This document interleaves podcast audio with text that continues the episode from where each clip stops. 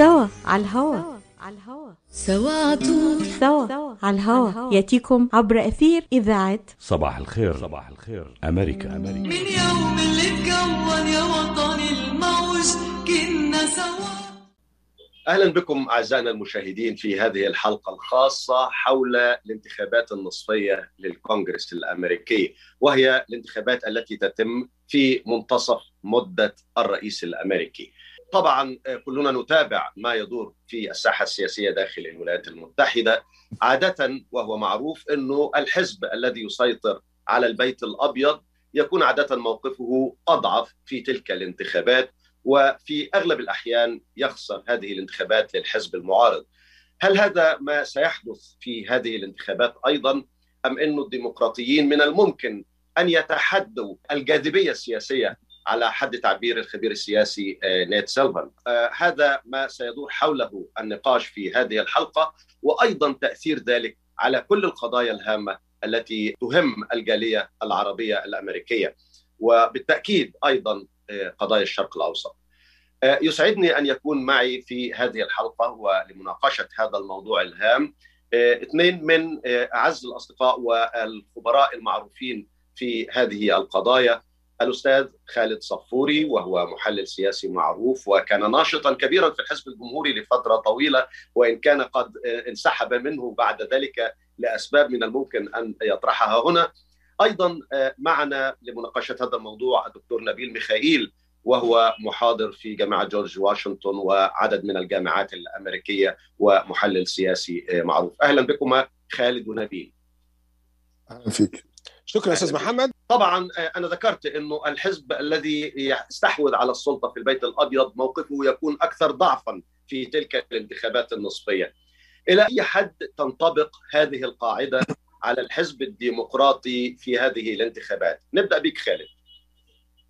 اولا تحياتي لك وشكرا على أستضافتي وتحياتي للدكتور آه، نبيل ميخائيل. آه طبعا الانتخابات تحديدا هذه السنة كان ممكن أن يستفيد الديمقراطيين من ظروف أخرى لكن أنا أعتقد في النهاية المد الذي يحصل آه ضد حزب الرئيس سيحصل هذه المرة سيكون كاسحا.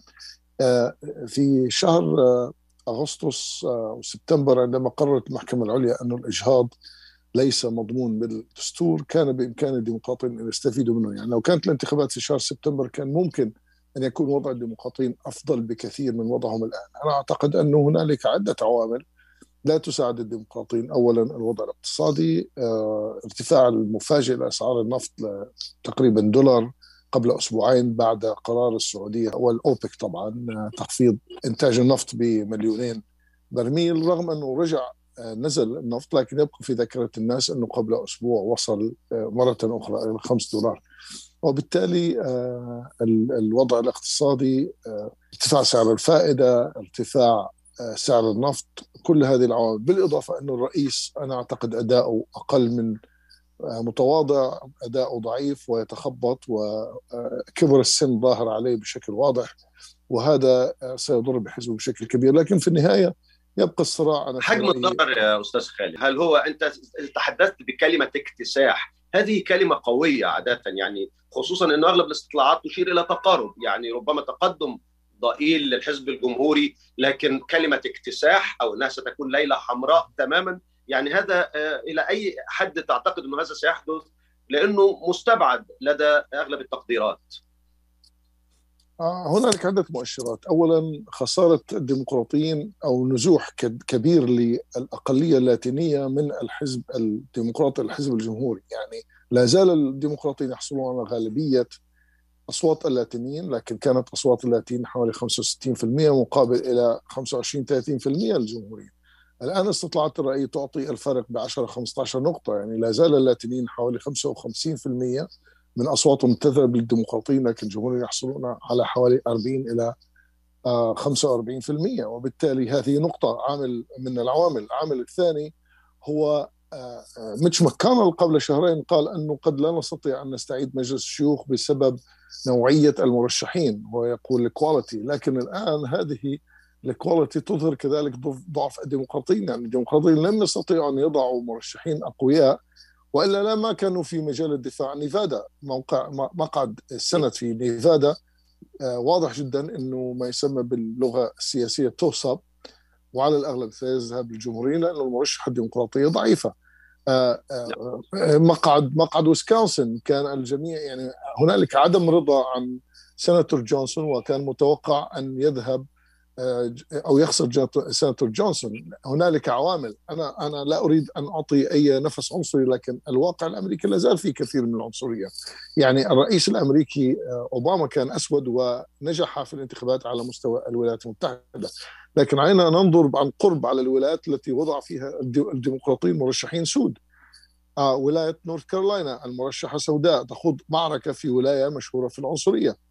ولاية فلوريدا مرشحة سوداء. وجورجيا؟ حتى وجورجيا لكن هو يخوض معركة ضد واحد أسود وهو أكثر قذاره ويسكونسن مرشحة آه، سوداء كذلك في ولاية فيها كثير من العنصرية. فأنا أعتقد انه خياراتهم كانت غير صحيحة وتجعل معركتهم أكبر. استطاعت الرأي على سبيل المثال في أوهايو كانت مفاجاه تظهر انه الانتخابات أنه آه، كونغرسمان رايان لديه فرصة كبيرة أن يهزم الجمهوري لأنه لأنه جمهوري ضعيف ومحسوب على الرئيس ترامب اللي هو دعمه عليه كثير من المشاكل لديه كثير من المشاكل الأخلاقية وإلى آخره. ولكن الحزب الديمقراطي لم يعطيه أي دعم. سناتور شومر لم يعتقد انه هناك أسباب آخر. كثيرة ربما تصب في. صالح الجمهوريين في هذه الحالة. لكن أنا أود أن أنتقل إلى دكتور نبيل ميخائيل. هل تتفق مع خالد صفوري أنه آه، الحزب الجمهوري سوف يكتسح هذه الانتخابات؟ وهذا الاكتساح معناه أنه يسيطر على مجلسي النواب والشيوخ في حين إنه كان هناك سيناريوهات متعددة آه، آه، نبيل انه آه، إنه الديمقراطيين كان في بعض التقديرات من الممكن أن يحتفظوا بالأغلبية في المجلسين أو إنه الجمهوريين يتقاسموا معهم بحيث إنه يستحوذ الجمهوريون على مجلس النواب بينما يستبقي الديمقراطيون السيطرة على مجلس الشيوخ، إلى أي من هذه السيناريوهات تميل؟ اولا إيه، تحية للأستاذ محمد سطوحي الاعلامي القدير والأستاذ خالد صفوري الخبير السياسي اللي ليه قيمته واعتباره وأيضا نوجه التحية للسيدة الإعلامية المتألقة مدام ليلى الحسيني وشكرا على الاستضافة. في الحقيقة الأستاذ خالد إيه، قدم تحليل ممتاز عن إيه، دقائق وتفاصيل مهمة في الحملات الانتخابيه وتوجهات الشارع الأمريكي السياسي قبيل انتخابات نوفمبر يعني تقريبا قبل أو يعني في حوالي أسبوعين وشوية.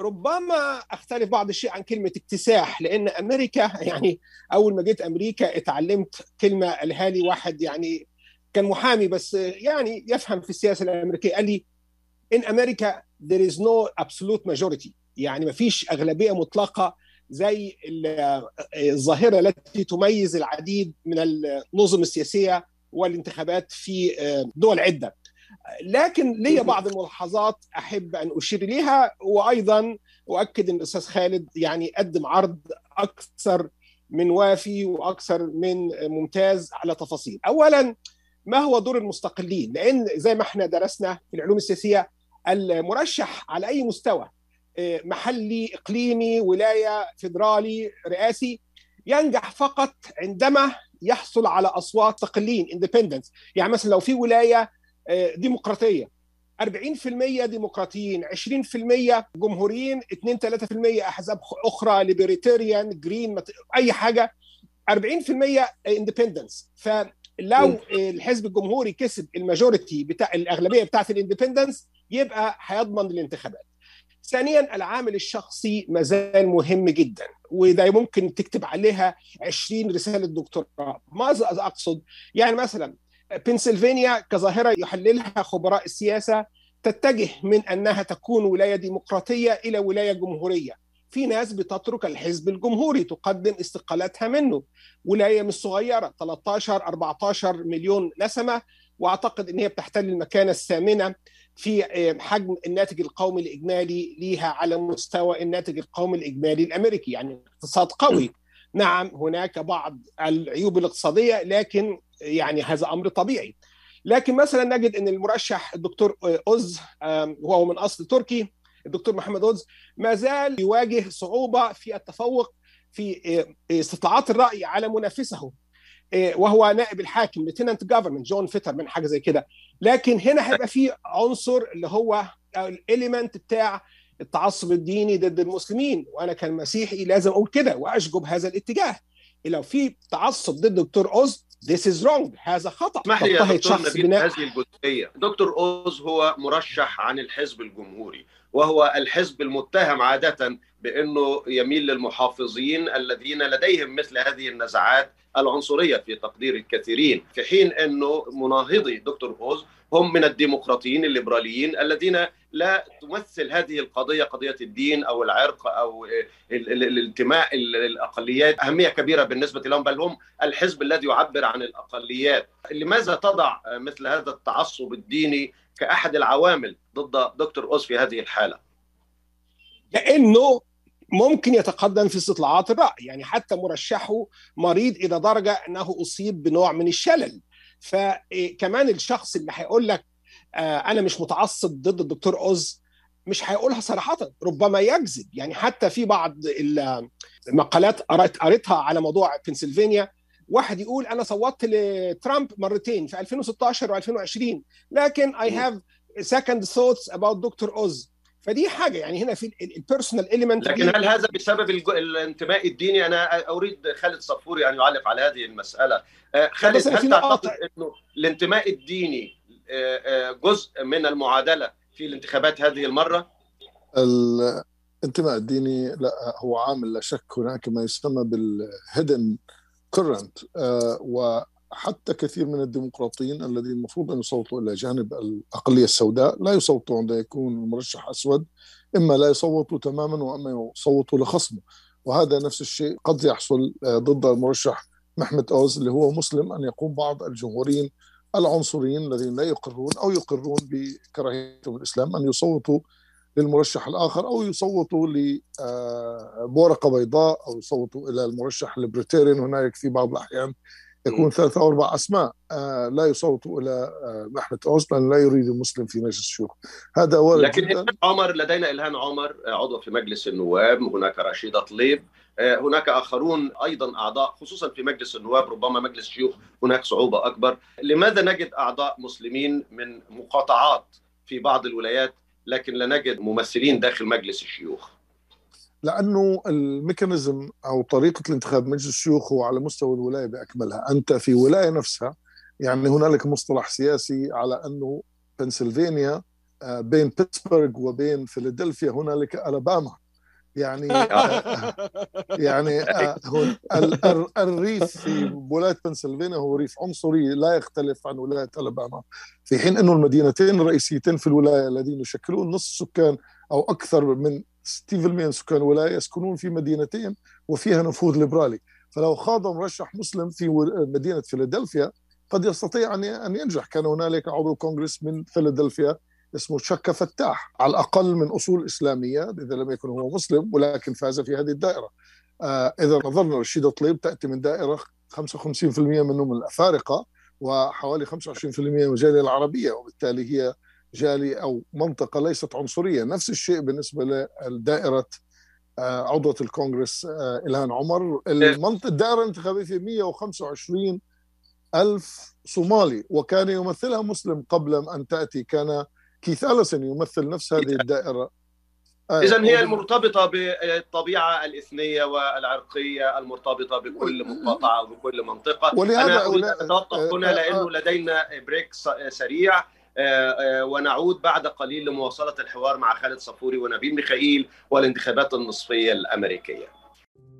لم يتمتع أطفالنا الذين ولدوا قبل الجائحة وأثناءها بهذا العالم الفسيح ولكنهم الآن وبعد أن تم ترخيص لقاح كوفيد 19 للأطفال بعمر ستة أشهر وما فوق سينطلقون في أفقه الرحب.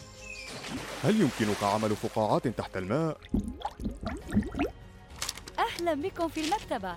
حان الآن وقت القصة العائلية. هل تريد أقلام تلوين مع وجبة الأطفال؟ نعم من فضلك ودفتر الرسومات. لقد تعرف على أصدقاء جدد لكنني لست خائفة. مع لقاح كوفيد 19 الآمن والفعال والمصرح به الآن لعمر ستة أشهر وأكثر. يستطيع طفلك الاستمتاع بكل ما يقدمه له العالم. لمعرفة المزيد تحدث إلى طبيبك وقم بزيارة michigan.gov كيدز كوفيد فاكسين رسالة من وزارة الصحة والخدمات الإنسانية في ميشيغان طالعة من بيت أبوها رايحة المطعم عشتار فاطمة سلم علي يمكن لحيله جوعان قلت لها يا حلوة خديني وبعشتار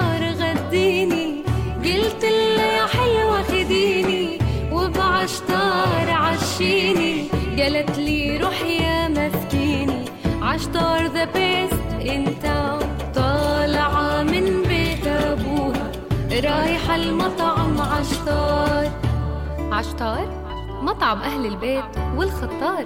3625 15 Mile Road في مدينة ستيرلينغ هايتس هاتف 586-698-2585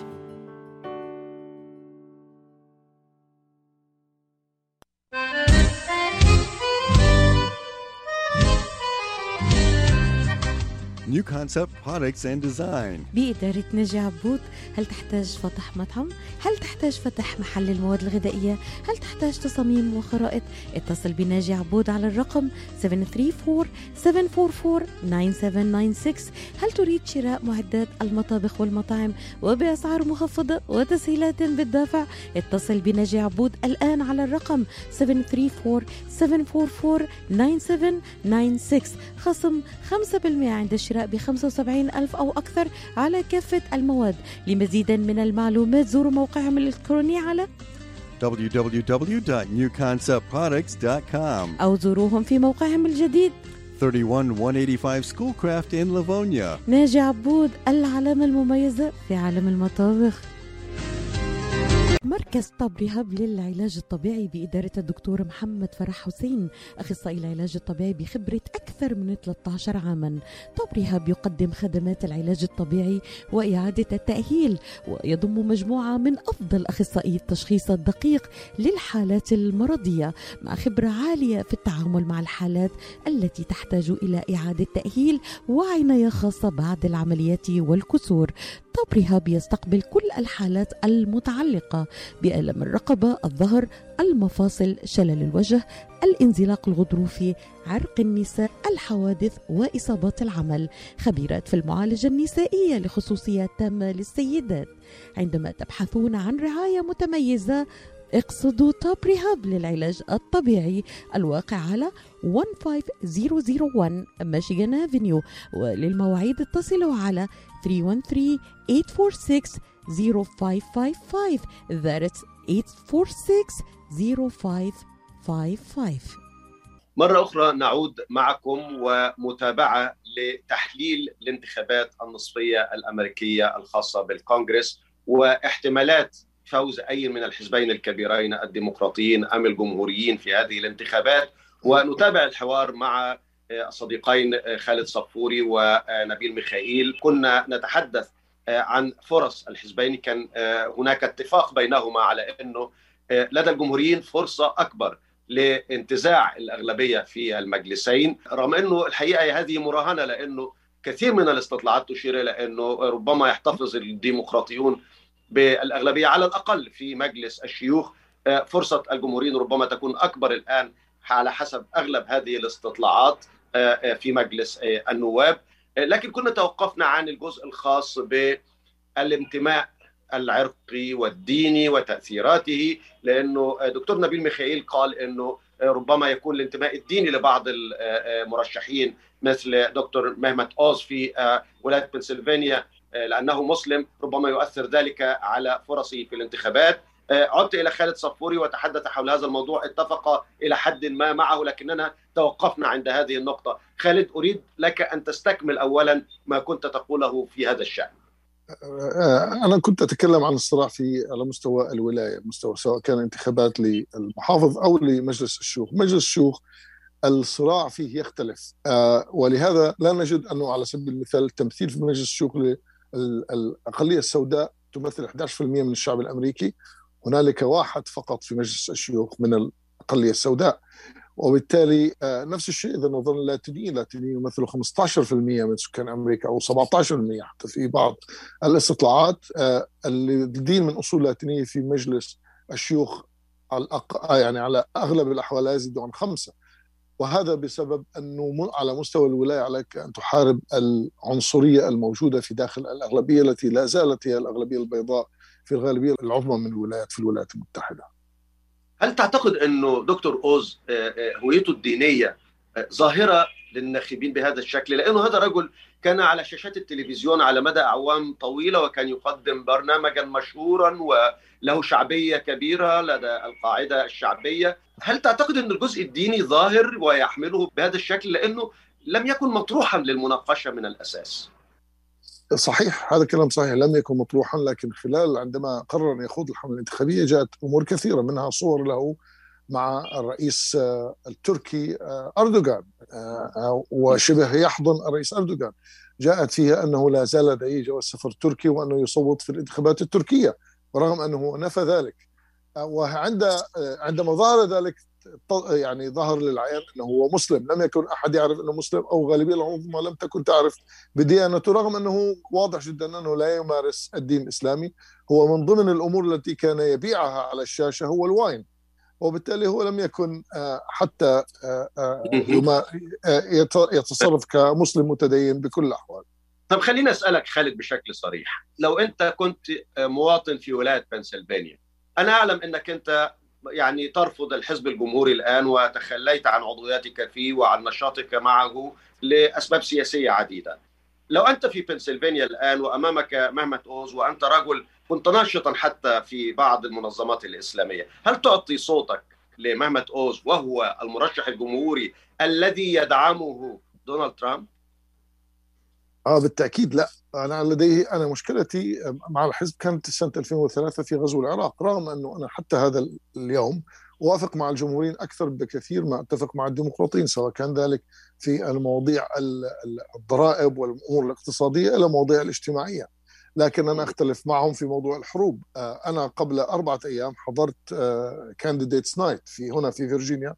والمرشح الجمهوري الذي يخوض المعركة في الولاية في المقاطعة العاشرة ضد ويكستون يتكلم الجالية العربية ويقول نحن حاربنا من أجلكم ومن أجل جاليتكم في الصومال وفي العراق وفي أفغانستان. والحضور اشمئز من هذا الكلام؟ على الأقل بالنسبة للعراق. يعني أعتقد أنه لا يختلف الكثيرين أنه أمريكا ذهبت لأفغانستان للانتقام لعملية سبتمبر 11 لكن عملية غزو العراق لم تكن عادلة في الغالبية العظمى ليس فقط الجالية العربية ولا الجالية المسلمة حتى المواطن الأمريكي.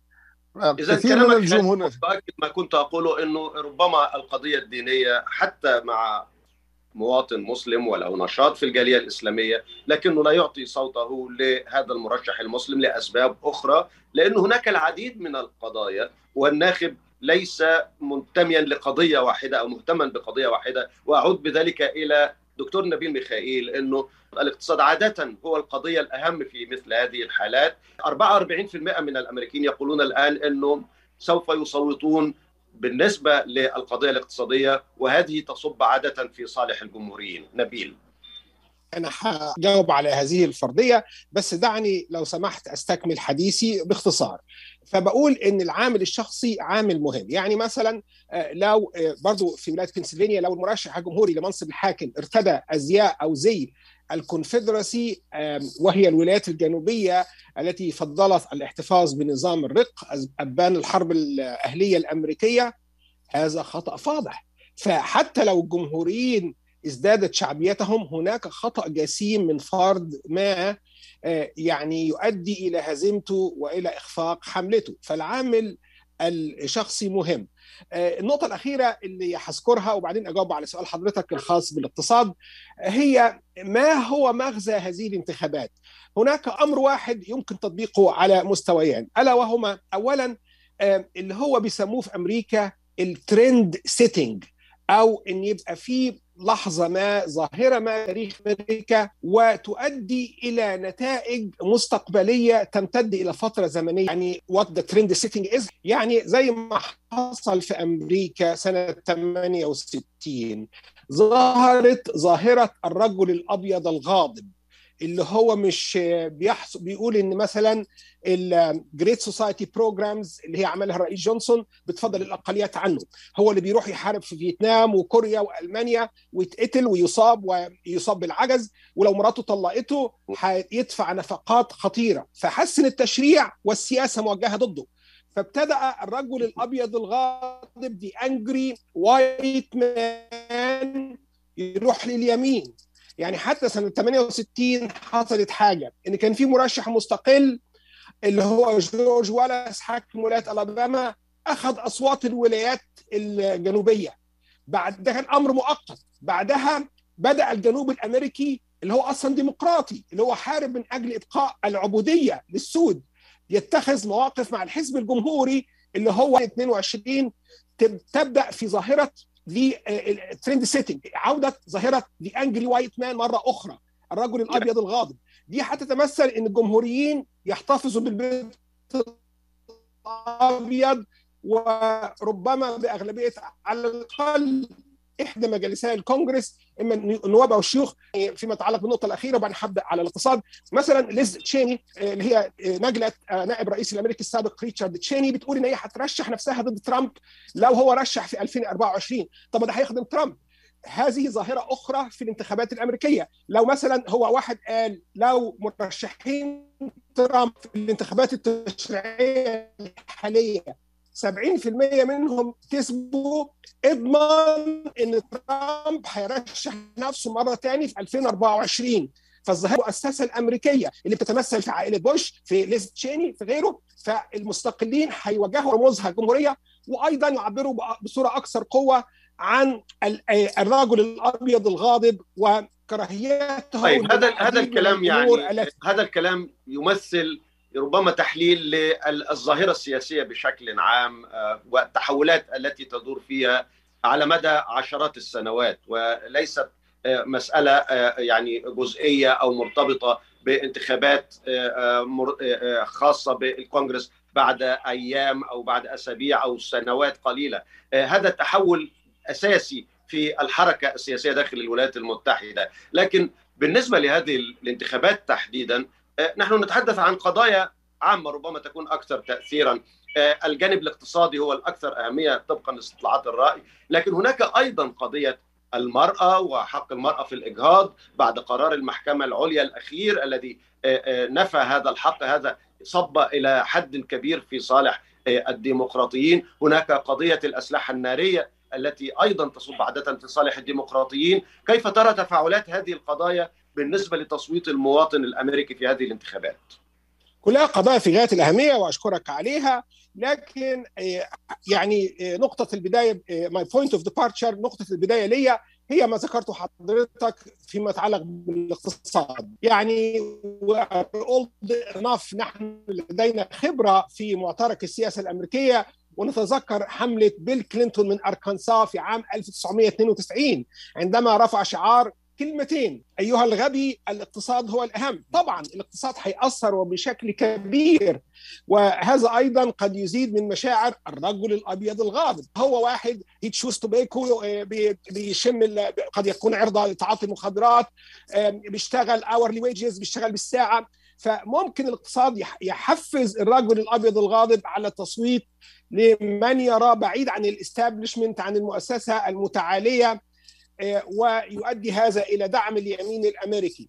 لكن حنهي حديثي بعبارة واحدة أيضا. ربما تكون قبل October surprise وهو التعبير الذي يطلق في السياسة الأمريكية لإيضاح بأن هناك تطور حدث بطريقة مفاجأة. فلنفرض مثلا أن الرئيس بايدن تعرض لأزمة صحية. ستكون هناك مشاعر موجهة ضد الديمقراطيين أنهم يخدعون الشعب الأمريكي. لو فرضنا مثلا إن الصين قالت بناء على زيارة نانسي بيلوسي لتايوان سنقوم بحصار تايوان. فلا تنسى أكتوبر سيربرايز مفاجأة شهر أكتوبر. ربما تكون قبل الانتخابات بساعات معدودة وربما تغير نعم. مسار الانتخابات بشكل جذري وبطريقة لم يتوقعها أحد. خالد صفوري هل تعتقد إنه هذه الظاهرة مفاجأة أكتوبر تنطبق على انتخابات الكونغرس؟ لأنه عادة يميل الكثيرون للحديث عنها في الانتخابات الرئاسية. لكن انتخابات الكونغرس ربما هناك عوامل كثيرة أخرى ربما تكون أكثر أهمية. والدكتور نبيل تحدث عن الجانب الاقتصادي والرجل الغاضب الأبيض. هناك أيضا المرأة الغاضبة عادة تميل للديمقراطيين لكن واضح أيضا أنها في هذه الانتخابات على الأقل لا تميل للديمقراطيين أو هناك انقسام في أصوات المرأة في هذه الحالة. آه لا كلام الدكتور نبيل ميخائيل صحيح هو استطلاعات بوليتيكو قالت إنه 45% يعتبرون الاقتصاد الموضوع موضوع رقم واحد في حين إنه موضوع الإجهاض كان 27% رقم واحد وهم غالبيتهم نساء. الآن عودة إلى اكتوبر سربرايز أعتقد إنها أقل أهمية في مجلس النواب لكن في مجلس الشيوخ إذا نظرنا على انه الصراع على مقعد أو مقعدين يعني مجلس الشيوخ الآن منقسم 50 50 آه والانتخابات القادمة قد تأتي بفارق واحد أو اثنين آه فأكتوبر سربرايز قد تلعب دور كبير في تحديد مقعد أو مقعدين لمن سيكونوا. وإذا نظرنا إلى فضيحة آه جورجيا المرشح الجمهوري الذي اتضح أنه لديه أطفال من أربع نساء وأنه طلب من واحدة منها الإجهاض ودفع ثمن الإجهاض مرة وطلب منها الإجهاض مرة أخرى ويتكلم عن منع الإجهاض بشكل كامل. هذه المفروض أن تضر هذا المرشح رغم أنها لم تضره كثيرا باعتبار أنه الجمهوريين في جورجيا موضوع الأخلاق والدين رغم أنه هي من الولايات المتدينة تصبح غير معنية إذا كان في الموضوع من سيسيطر على مجلس الشيوخ لكن بشكل عام هي تلعب دور في إسقاط أو إنجاح في مجلس الشيوخ إذا نعم. كان هنالك فضيحة كبرى. اذا القضايا الهامه التي ربما تمثلها هذه الانتخابات بالنسبة لنا وتأثير هذه الانتخابات عليها ربما يعني تحتاج إلى جزء خاص من التحليل والشرح وهذا ما سوف نفعله بعد قليل وبعد هذه الاستراحة القصيرة.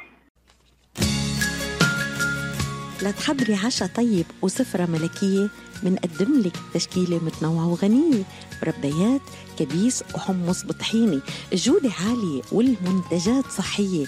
الشكل مثل الخيال والريحة شهية. لتطلع سفرتك لوحة فنية زياد لقمة هنية وطعمة أصلية. منتجات زياد من عائلتنا إلى عائلتكم. العطاء قصة رائعة. بدايتها إنسان يهتم ونهايتها إنسان يحتاج. مؤسسة الحياة للإغاثة والتنمية ومنذ أكثر من 25 عاما تحمل عطاءك إلى من يستحقه ويحتاجه بغض النظر عن الجنس أو العرق أو الدين. فأينما تكون الحاجة تجد الحياة تقدم المساعدة الطبية والملاجئ وبناء المدارس والأوار الارتوازية وبرامج كفالة عوائل اللاجئين والأيتام وغيرها حسب الحاجة. للمساعدة في استمرار هذا الجهد الكبير. امنح تبرعك المعفى من الضرائب اليوم إلى منظمة الحياة للإغاثة والتنمية. عبر الموقع www.lifeusa.org أو الاتصال على الرقم المجاني 1-800-827-3543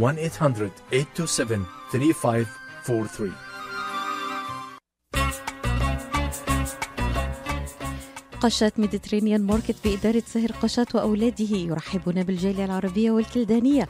جميع أنواع المواد الغذائية البان طازجة الكرزات والبهارات الطازجة. داخل الأسواق مطعم Mediterranean Shish Kabob يقدم يوميا جميع أنواع الكباب. المقبلات العربية العراقية وصواني ال combo المميزة تفتح الأسواق من الثامنة إلى التاسعة مساء من الاثنين وحتى السبت. ومن الثامنة صباحا إلى التاسعة مساء يوم الأحد.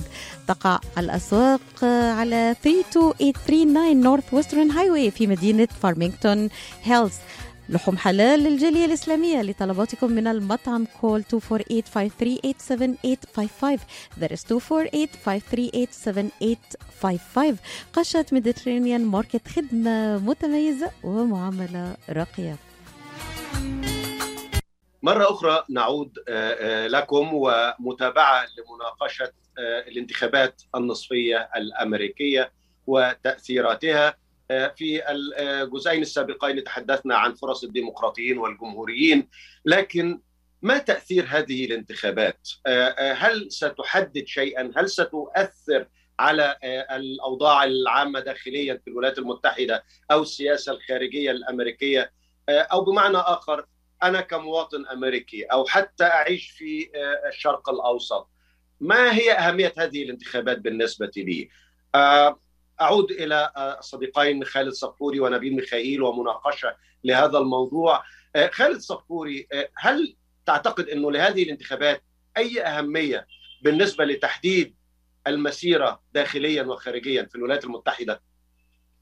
بالتأكيد لا شك الكونغرس يملك آه، قوة ال- المحفظة المال آه، لا يستطيع الرئيس تمرير أي ميزانية بدون الكونغرس ويستطيع الكونغرس أن يلعب بهذه الميزانية بحيث أن يتحكم أو يضغط عليه في تنفيذ سياسته على سبيل المثال الموضوع في أوكرانيا الرئيس بايدن أعطى آه، ضوء أخضر لأوكرانيا لتحصل على ما تريده وأمريكا أعطت أوكرانيا ما يزيد عن 23 مليار دولار حتى الآن آه، من مساعدات عسكرية ومساعدات غذائية وإنسانية وإلى غيره.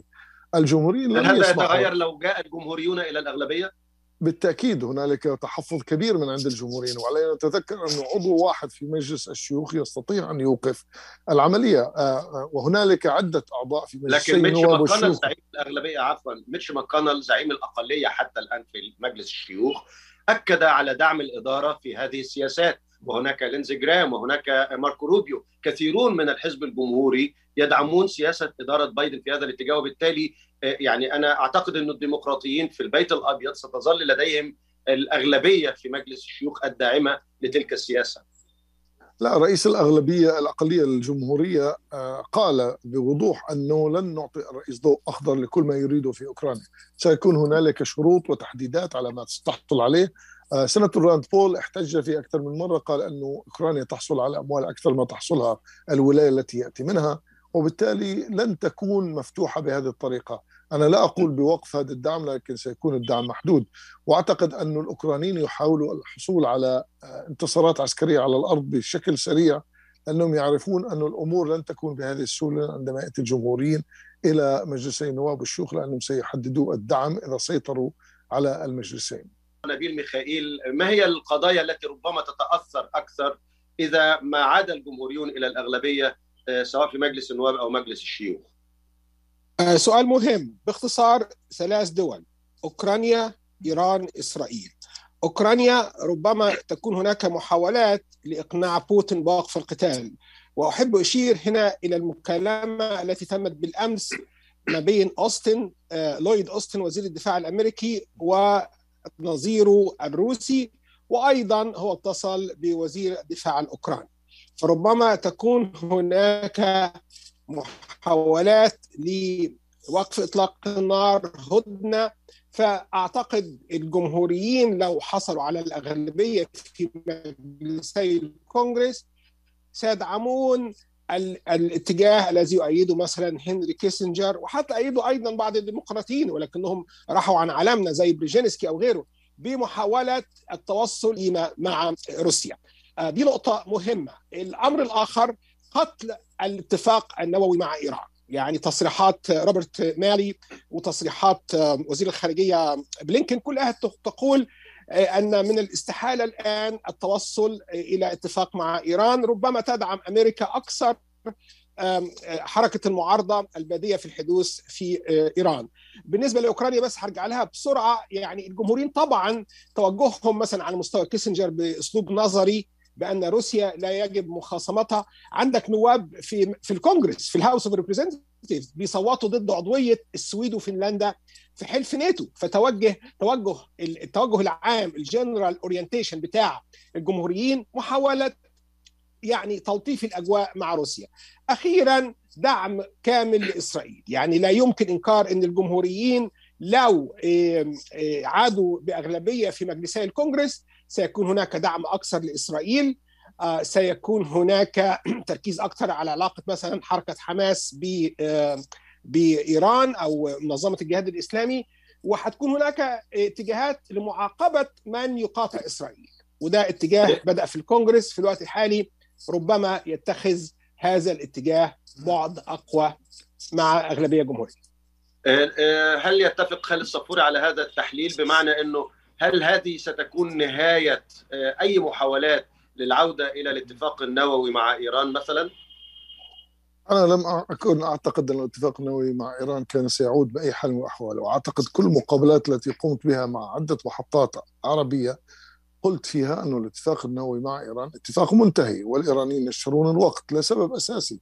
أنه ما تطالب به إيران هو ضمانات بعدم انسحاب أمريكا من الاتفاق النووي. أمريكا لا تستطيع أن تعطي هذه الضمانات حتى لو تم تصديق الكونغرس الأمريكي عليها. في منظمتنا استضفنا وزير الدفاع الأمريكي السابق قبل أسبوعين تشاك هيجل. وسئل هذا السؤال على أنه هو لو صوت الكونغرس على اتفاق جي سي بي أو اي اتفاق النووي الإيراني كان لا يستطيع ترامب أن يخرج منه. قال طبعا يستطيع. حتى ال treaties يستطيع يستطيع الرئيس ما يسمى revoking يستطيع أن يخرج منه. وبالتالي الضمانات غير موجودة لإيران وبالتالي إيران تشتري وقت وأعتقد انه ما قام به الرئيس ترامب بضغوط من نتنياهو واللابي الصهيوني في الولايات المتحدة خدم إيران في النهاية رغم أنه هذا لم يكن قصدهم، إيران الآن أعتقد أنه لديها كميات كبيرة جدا من اليورانيوم المخصب وفقط تحتاج إلى وقت آه، أسابيع أو أشهر لصنع القنبلة النووية وهذا بسبب انسحاب أمريكا من الاتفاق النووي. انما لماذا تشعر أحيانا أنه الخليج والسعوديين تحديدا أكثر ميلا للجمهوريين. حتى البعض فسر قرار السعودية بالعمل مع مجموعة أوبك بلس بأنها تخفض إنتاج النفط إنه محاولة للتأثير السلبي على موقف الديمقراطيين في تلك الانتخابات ومساعدة الجمهوريين للعودة للأغلبية. هل تعتقد أن هذا التفسير للتصرفات السعودية كان صحيحا؟ ولماذا يميل العرب أو الخليج تحديدا للجمهوريين في واشنطن؟ أعتقد أنه سؤال ممتاز والموضوع جوابه واضح جدا هو موضوع حقوق الإنسان. الجمهوريين كل ما يعنيهم هو الربح والمال والقيام بالاستفادة استفادة الاقتصاد الأمريكي. وبالتالي إذا كان ذلك على حساب ألف أوكراني أو ألف لبناني أو ألف فلسطيني هذا لا يعنيهم كثيرا. والدول العربية المعروفة بازدرائها واحتقارها لموضوع حقوق الإنسان لا تريد أن يحاضر لها أي شخص كان من كان على حقوق الإنسان وبالتالي هي تحاول أن تتعامل مع الدول اللي هي مستعدة أن تتعامل معها بضمن double standard بالتأكيد التخفيض النفط كان مقصود منه موضوع الانتخابات. واضح جدا أنه رغم الانتقادات الأمريكية والتهديد والوعيد من أعضاء الكونغرس السعودية لم تتراجع وبالتالي العملية كانت محسوبة بالملي.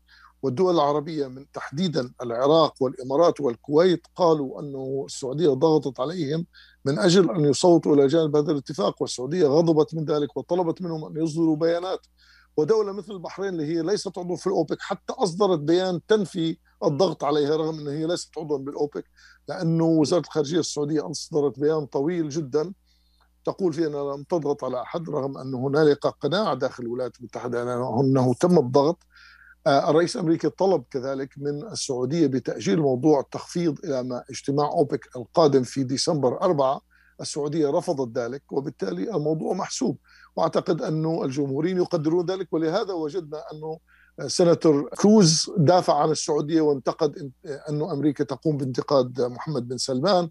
و Fox News استضافت عادل الجبير من أجل أن تعطيه يعني أعطته مجال أن يبرر كل ما قامت به فواضح جدا أنه اصطفاف الجمهوريين إلى جانب المملكة العربية السعودية في هذا الموضوع. ولماذا يصطف الجمهوريون خلف المملكة العربية السعودية نبيل ميخائيل؟ ميراث الحرب الباردة، السعودية عارضت الشيوعية وكان هذا أمر متفق عليه ما بين كل الإدارات الأمريكية والدبلوماسية السعودية وأيضا دبلوماسية دول الخليج وبالتالي هناك توجه استراتيجي ما ما بين السعودية وأمريكا لمحاربة أي دولة يعني تنافس أمريكا في إيديولوجيتها الرأسمالية ويعني تأكيدها على الديمقراطية. فهناك ميراث من التعاون هناك أيضا الجانب الأخلاقي. يعني العرب في أمريكا أو المسلمين بصفة عامة كما قال لي الأستاذ عباس متولي هم محافظون اجتماعيا ليبراليون اقتصاديا. يعني مثلا مش كلهم أغنياء يعني الغالبية منهم فقراء أو صح أصحاب دخول محدوده فيؤيدون الإنفاق الحكومي على الأسر والإعفاءات الضريبية وغيره. لكن هم محافظون جدا من الناحية الأخلاقية وبالتالي هذا العامل الأخلاقي موجود أيضا في التوجهات الدبلوماسية للمملكة العربية السعودية لدولة الكويت للبحرين لقطر لعمان للإمارات. محاربة الإجهاض ظاهرة زواج المثاليين اللي في الحقيقة الحزب الديمقراطي يعني أخذ في تأييدها إلى بعد أو شوط كبير فالجانب الأخلاقي الاجتماعي التوجهات الاستراتيجية التاريخية منذ أيام الحرب الباردة عاملان همان أدى إلى تقوية العلاقات ما بين الحزب الجمهوري ودول الخليج بما فيها المملكة العربية السعودية ودول خليجيه أخرى. هذا يدخل بنا في بعض القضايا المحلية الداخلية المرتبطة بالعرب الأمريكيين تحديدا وأعود لخالد صفوري في هذه الجزئية. بالنسبة لقضايا العرب الأمريكيين هل هناك تغيير أو تأثير لفوز أي من الحزبين في هذه الحالة؟ آه قبل أن ندخل في ذلك أريد أن أعلق على ما قاله الدكتور نبيل وهو استقاه من كلام صديقي عباس متولي. أنا أعتقد أنه عباس متولي المعلومات التي لديه ليست دقيقة جدا. أنا كان لدي استطلاع قام به جون زغبي قبل حوالي عشر سنوات. الجالية المسلمة في الولايات المتحدة أكثر ثراء من معدل الجالية الأمريكية وأكثر تعليما كذلك. وبالتالي الغالبية ليست من الفقراء. قد تذهب إلى نيوجيرسي ومنطقة نيويورك تجد بعض الفقراء لكن الغالبية العظمى من أبناء الجالية هم الطبقة المتوسطة وبالتالي لا يستفيدوا من المساعدات الاجتماعية. يستفيد المساعدات الاجتماعية فئة كبيرة من الجالية المسلمة مثل كل الجاليات المهاجرة التي تأخذ أو تستغل أنه ليس لديها أملاك في أمريكا. أمريكا لا يستطيع أن يحصل على مساعدات معينة لأن لديه عقار. ربما كان صديقنا عباس متولي يعني المهاجرين الجدد أو الجيل الأول أو غيره يكونون أقل ثراء وأكثر حاجة إلى مساعدة الدولة في هذه الحالة. وبالتالي كونهم طبقة متوسطة لا يحبون دفع الضرائب المرتفعة التي يقوم بها الديمقراطيين وبالتالي مصلحتهم الاقتصادية هي مع الجمهوريين. لكن نعم. المصلحة السياسية الجاليه الآن منقسمة. أنا أعتقد قبل 20 سنة مثلا كانت غالبية قبل أحداث نوفمبر كانت مع الجمهوريين بشكل كبير. بعد أحداث نوفمبر صار هنالك رده ضد الإسلام والمسلمين بشكل كبير داخل الولايات المتحدة خصوصا من الجمهوريين وهذا ما نفر الجالية من الحزب الجمهوري رغم أنه يبقى جزء كبير منها والذي حصل في ديربون قبل أسبوعين للصراع على برنامج التعليم والكتب التي يتم وضعها في مدارس في مدينة ديربون كان مثل على ذلك أنه الجالية حقيقة هي جالية محافظة من الناحية الاجتماعية مثل كل الجاليات الشرق أوسطية حتى الغير مسلمة يعني الجالية المسيحية العربية محافظة كذلك اجتماعيا. ولهذا نرى أن الجالية منقسمة في مشاعرها لكن تصوت للديمقراطية نتيجة اعتقادها أن الجمهوريين يكرهون الإسلام والمسلمين وليس ل لواقع المصلحة الشخصية مع الحزب أو مع ذاك.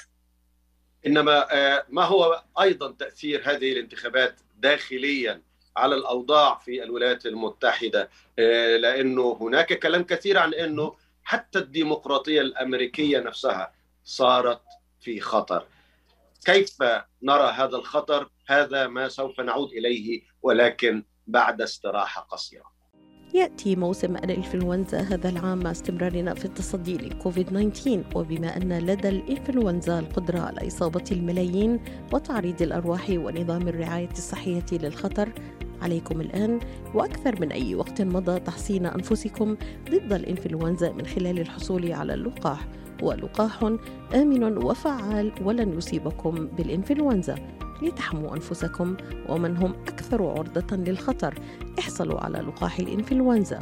لمعلومات أكثر قوموا بزيارة موقع michigan.gov/flu رسالة من وزارة الصحة والخدمات الإنسانية في ميشيغان. تحس إنه إيديك عم تنمل أو كتفك عم يجمد أو أصابعك عم تورم وما عم تقدر تشتغل فيهم مثل ما بتريد. مرحبا أنا الدكتور عبد المجيد قطرنجي. زورونا بموقعنا الإلكتروني www.kachanjihandcenter.com لتتعرفوا على كيفية العلاجات لإصابات اليد والكتف والكوع. وإن شاء الله تقدروا تشاركونا بافتتاح مركزنا الجديد في تروي ميشيغان. ونتمنى لكم العفو والعافية. للمواعيد زورونا في عيادتنا الواقعة على 1565 في مدينة تروي البناء F أو اتصلوا بنا على الرقم 248-869-4263 That's 248-869-4263 يوسف الحسن شايفك لازم بيد حالك عن إلي ساعة عم بستناك؟ مشان نروح نتغدى بالشام. الشام؟ إيه بالشام ومو بالشام. شلون صارت هي؟ بدل ما نروح نتغدى بالشام إيه.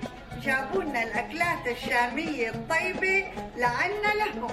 وشلون بقى؟ هذا مطعم دماس عم يعمل كل الأكلات الشامية الطيبة. هو وطيبة؟ طيبة كتير شرفوا نتغدى سوا بمطعم دمار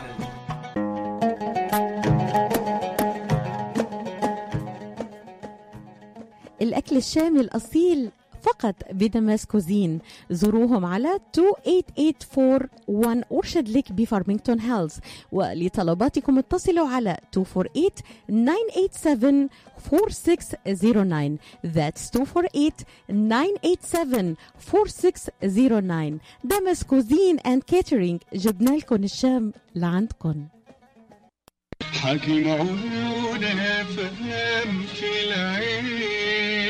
وافهم كمان في ومن بمثل خبرة الدكتور عماد نقاش أستاذ الطب وجراحة العيون في جامعة وين. خبرة طويلة في التعامل مع أمراض العيون وجراحتها عمليات تعديل وتصفية النظر إزالة الماء الأبيض والأسود الجلوكوما وتصحيح النظر من أثار مرض السكر. كادر متخصص ومتدرب لخدمتكم. شعبة متخصصة للنظارات الطبية والهندسة اللاصقة. يقبلون معظم أنواع التأمين الصحي زوروهم في عيادتهم الواقعة على جنار والناين مايل في مدينة هيزل بارك للمواعيد اتصلوا على 248 336 3937 248 336 3937 أو عيادتهم في راجستر هولس للمعلومات اتصلوا على 248 299 3937 248 299 3937 مرة أخرى نعود إليكم أعزائنا المشاهدين في هذه الحلقة الخاصة. حول الانتخابات النصفية الأمريكية وما تعنيه بالنسبة لقضايا العرب الأمريكيين والقضايا العالمية عموما. وتناولناها بالتحليل مع الصديقين خالد صبوري ونبيل ميخائيل. كيف يمكن أن يكون هذه الانتخابات تأثير على هذه القضايا؟ وفي هذا الجزء الأخير من هذه الحلقة هناك قضية ربما تكون أكثر إلحاحا الآن. رأينا في السادس من يناير منذ نحو عامين كيف اقتحم مؤيدو الرئيس الأمريكي السابق دونالد ترامب مبنى الكونغرس الأمريكي. ومن بعدها أصبحت قضية الديمقراطية ذاتها وما تتعرض له من خطر لم تعد مجرد مناقشات نظرية ولكن هناك بالفعل إحساس بأنها تمثل خطورة كبيرة. حتى آخر الاستطلاعات وبعض الدراسات تقول إنه نسبة كبيرة من الأمريكيين ترى الديمقراطية الأمريكية في خطر. ولكن هي لا تضع هذا الخطر في أولوياتها مقارنة بقضايا مثل الاقتصاد أو القضايا الاجتماعية أو الثقافية. عودة إلى خالد صفوري ونبيل ميخائيل، نبيل هل تعتقد بالفعل إنه الديمقراطية الأمريكية صارت الآن في خطر وإنه هذه الانتخابات من الممكن أن تؤدي إلى نتائج تجعلها في موضع أكثر خطورة؟ لو نتيجة لتحقيقات هذه اللجنة المخولة من الكونغرس ببحث أسباب اقتحام مبنى الكابيتول هيل يوم 6 يناير من عام 2021 وكنتيجة لهذا التحقيق أصدرت المحكمة قرار بسجن أو بحكم بأن يقضي الرئيس السابق دونالد ترامب فترة في السجن أعتقد أن ستكون هناك حركة احتجاج قوية. قد يعني تمس الشارع الأمريكي وبالتالي يكون هناك خطر على الديمقراطية الأمريكية لأن هتكون هناك كتلة معارضه عنيفة وقد تستهدف الأقليات قد تستهدف السود قد تستهدف اللاتينو قد تستهدف العرب والمسلمين بأفعال غاضبة عنصرية. ماذا عن وجود عدد كبير من المرشحين الجمهوريين في هذه الانتخابات الآن الذين جعلوا قناعتهم على الأقل علنيا لإرضاء الرئيس السابق ترامب بانه هذه الانتخابات الرئاسية السابقة قد سرقت منه ومن الجمهوريين، أغلبهم يقولون ذلك فقط للحصول على ترشيح الحزب في الانتخابات وبالتالي ماذا سيحدث عندما يأتي ليس فقط بالمناسبة أعضاء للكونغرس ولكن حكام ولايات ومجالس تشريعية للولايات يقولون انه الانتخابات كانت مسروقة، ألا يؤثر ذلك ويمثل خطرا على الديمقراطية الأمريكية؟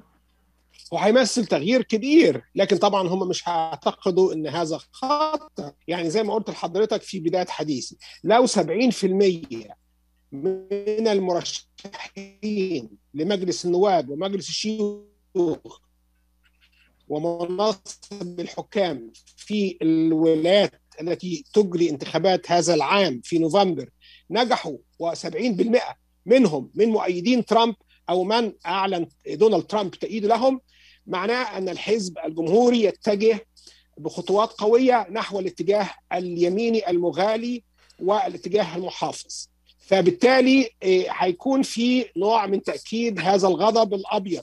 قد يتمثل هذا الغضب في مشاعر معادية للعديد من الأقليات. لكن هناك أيضا الإجراءات التي تقوم بها لجنة التحقيق في أحداث اقتحام مبنى الكابيتول من منذ عامان لو أصدرت حكم قضائي ضد ترامب الموقف قد يشتعل. قد تكون نعم. بقى مظاهرات زي ما حصل بعد اغتيال مارتن لوثر كينج وحاجات زي كده. خالد آه، آه، آه، لماذا لا ترى إنه لهذه المسألة تحديدا أهمية كبيرة لدى الناخب وهو يتوجه إلى صناديق الاقتراع؟ لماذا لا يشعر إنه مجرد إعطاء صوته لمرشح ينكر نتائج انتخابات سابقة لا يمثل ذلك شيئا كبيرا بالنسبة له وهناك قضايا أخرى أكثر أهمية بالنسبة له؟ طبعا الجمهور يعتقد أن هذه مؤامرة وبالتالي هو ليس آه، لديه قناعة أنه هنالك أي مشكلة. إذا أنت شاهدت المح- المحطات التلفزة المتعاطفة مع الحزب الجمهوري فهي تتكلم عن ال Black Lives Matter والتي دمرت المدن وحرقت المباني ولم يتم التحقيق معها ولم يتم إعطائها الاهتمام الذي تم إعطائه ل فيتم المقارنة بالتساوي لهذه المشكلة. فتعتبر أنه الديمقراطيين لم يلاحقوا مجموعات التي أحرقت المحلات والمتاجر والسيارات واعتدت على الناس في حين يلاحقوا ناس وطنيين جزء كبير منهم خدم بالجيش أو الشرطة. هذا الموضوع الأول، الموضوع الثاني المستقل كذلك ينظر إلى هذه المشكلة كمشكلة حقيقية لكن لا تشكل عليه في حياته اليومية معاناة. هو يعاني في ارتفاع أسعار ال- الحليب أو أسعار البيض أو أسعار المواد الغذائية والخبز وإلى آخره وهذه تؤثر على حياته بشكل مباشر. هو يذهب بالسيارة إلى العمل كان آه، يضع 50 دولار بالسيارة الآن يضع 100 دولار كل أسبوع.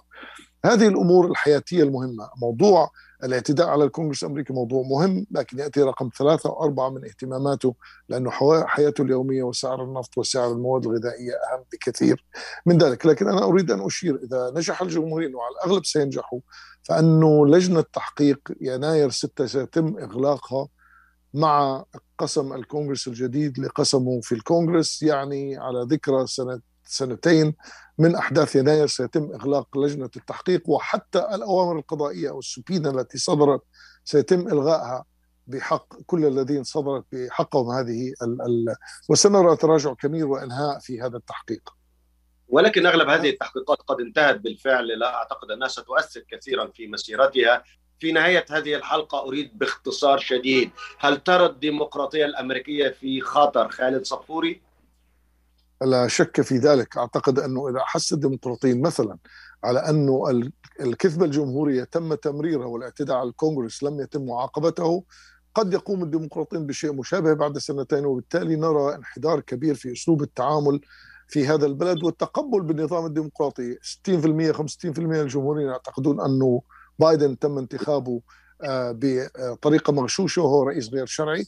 والديمقراطيين قبل سنتين كانوا يعتقدون أن ترامب تم انتخابه من دعم بدعم روسيا والمخابرات الروسية وكان رئيس غير شرعي. هذه مشكلة حقيقية في هذا البلد الآن.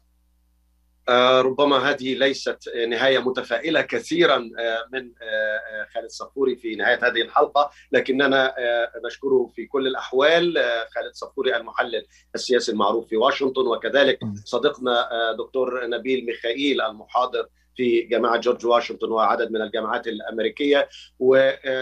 أيضا آه، آه، الأصدقاء من آه، محطة صوت العرب الذين كانوا معنا. ومعي من القاهرة حيث أصرت الأستاذة ليلى الحسيني وهي مشكورة على أن أقدمها وأنا في القاهرة. فالشكر لها والشكر لكم أصدقائنا المشاهدين على متابعتنا في هذه الحلقة. وأرجو أن تكونوا قد يعني حصلتم على بعض الإضاءات بالنسبة لهذه القضية المعقدة المرتبطة بالانتخابات النصفية في الولايات المتحدة. أشكركم وإلى اللقاء. وهذه تحياتي محمد السطوحي. شكرا.